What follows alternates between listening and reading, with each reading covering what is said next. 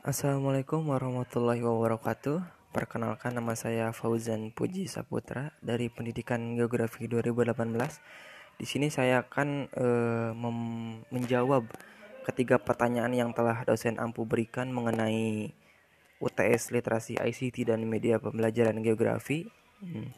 Untuk jawaban-jawabannya ini ada yang merupakan bersumber dari saya pribadi dan uh, beberapa referensi yang saya ambil dari jurnal, artikel dan beberapa uh, eh, PDF. Uh, eh, untuk nomor satu, ya, uh, teori belajar behaviorisme merupakan teori belajar yang menekankan pada perubahan tingkah laku dengan unsur utama stimulus respon. Namun demikian, teori ini telah mem memberikan landasan bagi lahirnya desain pembelajaran Setidaknya ada area yang mendemonstrasikan dampak teori behaviorisme terhadap pembelajaran, yaitu di antaranya gerakan sasaran behavioral, fase mesin pengajaran, gerakan pengajaran terprogram, pendekatan pembelajaran individu, pembelajaran berbasis komputer, dan pendekatan sistem terhadap pengajaran. Nah, salah satu pengaruh dari teori behaviorisme adalah dalam desain pembelajaran, yaitu lahirnya gerakan sasaran behavioral. Gerakan ini menekankan pada perilaku khusus dan bisa dikualifikasi, seperti uh, mnemonic ABCD yang kita kenal sebagai A-nya adalah audience, B-nya behavior, C-nya condition, dan D-nya adalah degree.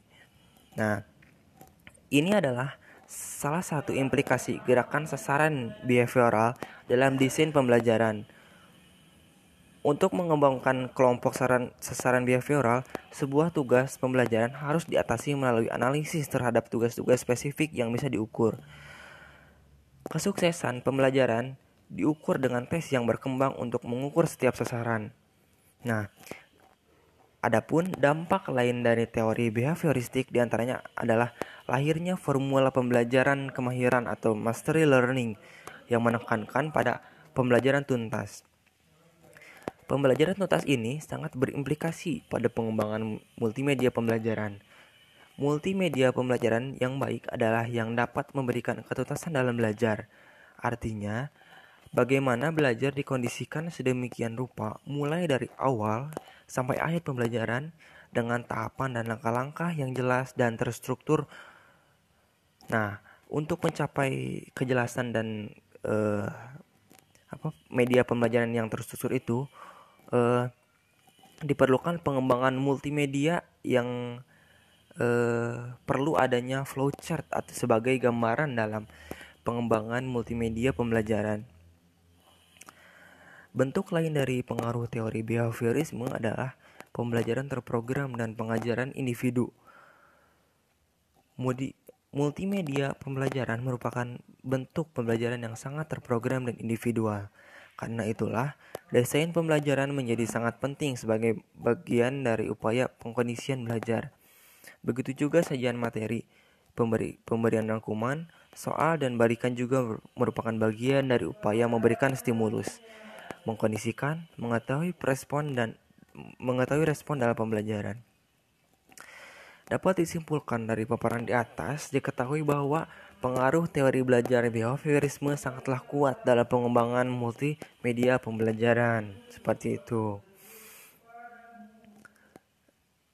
Nah, mungkin saya akan langsung lanjut ke nomor dua yaitu manfaat media dalam pembelajaran.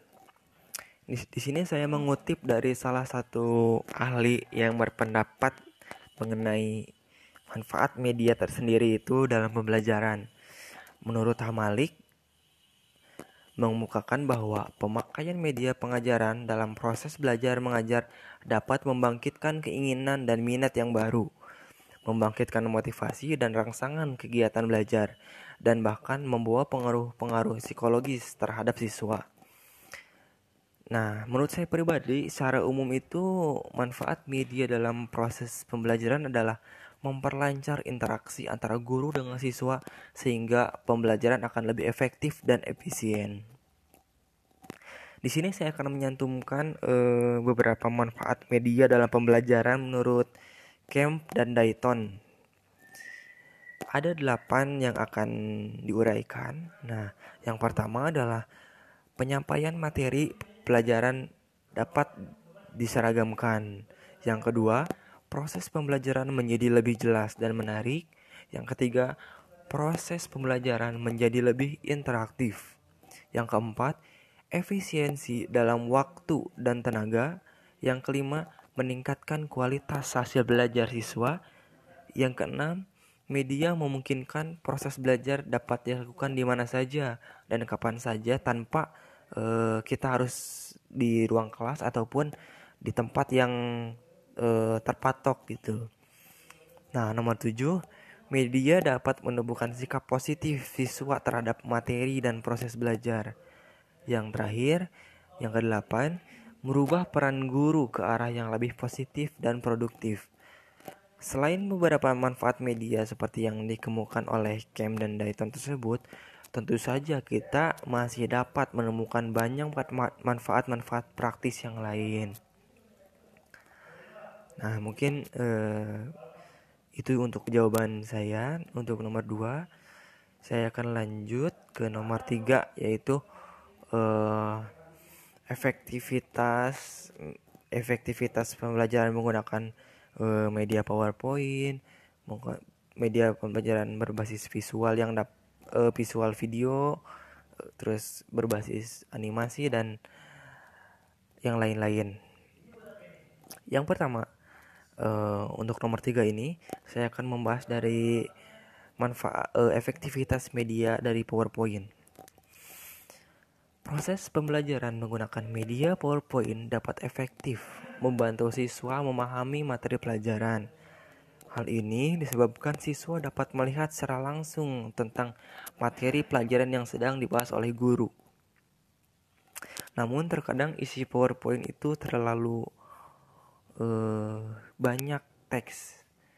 Mereka yang kurang memahami akan uh, esensi dari PowerPoint mereka menambahkan teks sebanyak mungkin uh, dalam slide-nya gitu sehingga para audiens pun para peserta didik pun akan bingung mencerna dan lebih sulit gitu uh, lebih sulit mencerna teks yang banyak tersebut sebaiknya media PowerPoint ini uh, merangkum dari teks yang banyak tersebut menjadi beberapa poin yang dapat memberikan uh, kesimpulan dapat memberikan rincian terhadap apa yang akan kita sampaikan seperti itu. Nah, untuk uh, selanjutnya bentuk media pembelajaran berbasis visual yang dapat digunakan yaitu berupa infografis. Infografis merupakan visualisasi ide atau data yang dimanfaatkan dalam menyampaikan informasi yang kompleks untuk audiens melalui cara yang mudah ditangkap dan dipahami dalam kurun waktu singkat. Nah, seperti itu. Selanjutnya, ada efektivitas melalui pembelajaran media video. Penyampaian materi melalui media video dalam pembelajaran bukan hanya sekedar menyampaikan materi sesuai dengan kurikulum, akan tetapi ada hal lain yang perlu diperhatikan yang dapat mempengaruhi minat peserta didik dalam belajar. Hal tersebut berupa pengalaman atau situasi lingkungan sekitar. Kemudian dibawakan ke dalam materi pelajaran yang disampaikan melalui video tersebut. Nah, selain itu, juga dalam pembelajaran praktek, peserta didik akan lebih mudah untuk melakukan apa yang dilihatnya dalam video daripada materi yang disampaikan melalui buku atau gambar gitu ya. Nah, kegiatan seperti ini akan memudahkan peserta didik dan guru dalam proses belajar mengajar. Eh, nah, video juga merupakan salah satu metode pembelajaran yang sangat berpengaruh kepada minat anak didik uh, sebagai metode pembelajaran dengan penayangan video. Proses ini akan memudahkan anak didik memahami pelajaran dan juga mudah untuk mempraktekannya. Karena media video dapat mempengaruhi pikiran dan juga emosi dari peserta didik ataupun audiens yang uh, ditampilkan gitu. Kemudian manfaatnya untuk guru itu adalah memudahkan menyampaikan materi dan dapat diulang kembali saja dengan materi yang sama dan pembelajaran yang sama. Tentunya, penguasaan materi yang disampaikan harus seimbang dengan teknologi yang digunakan. Nah, seperti itu itu untuk hmm, uh, video uh, sebagai media pembelajaran.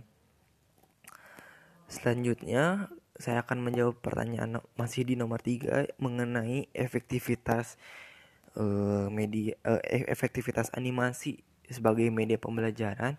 Di sini saya sudah uh, merinci 5 poin uh, efektivitas dari animasi sebagai media pembelajaran. Poin pertama, video animasi bisa menggambarkan objek yang tidak bisa dilihat oleh mata seperti ion, molekul, mikroorganisme, dan lain-lain.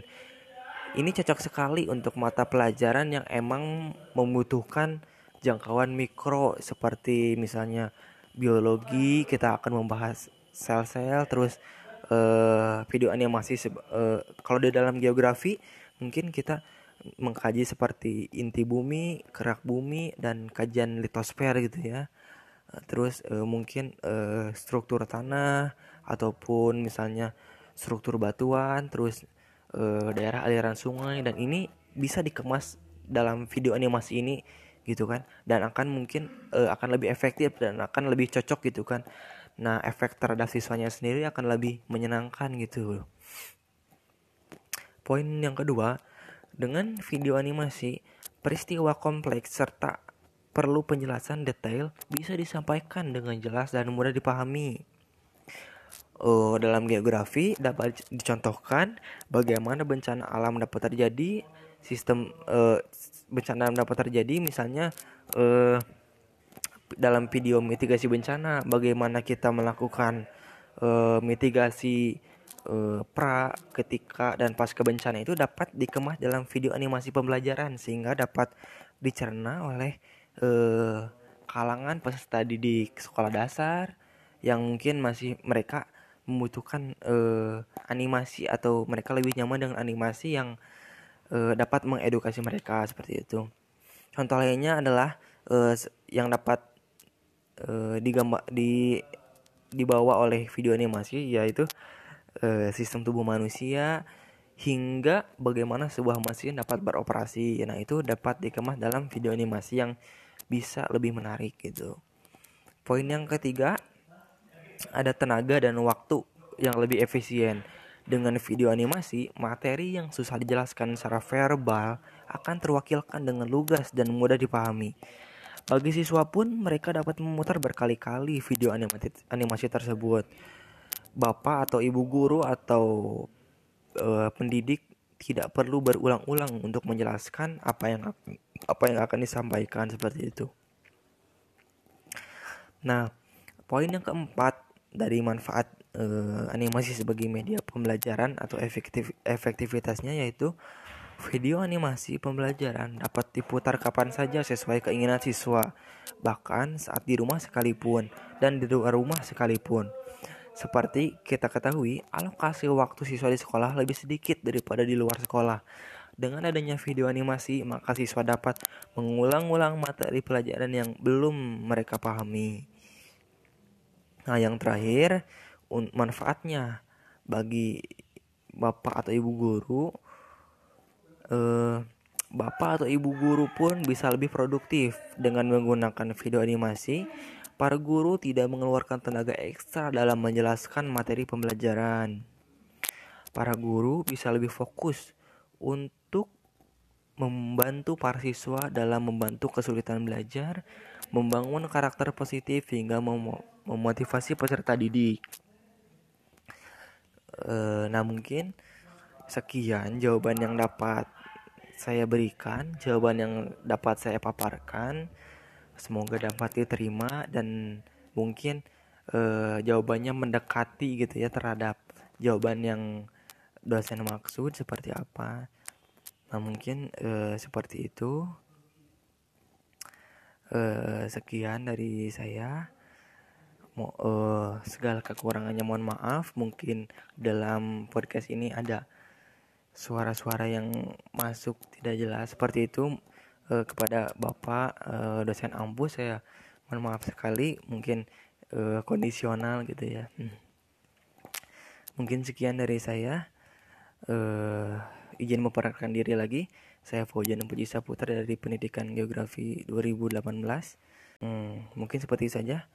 Assalamualaikum warahmatullahi wabarakatuh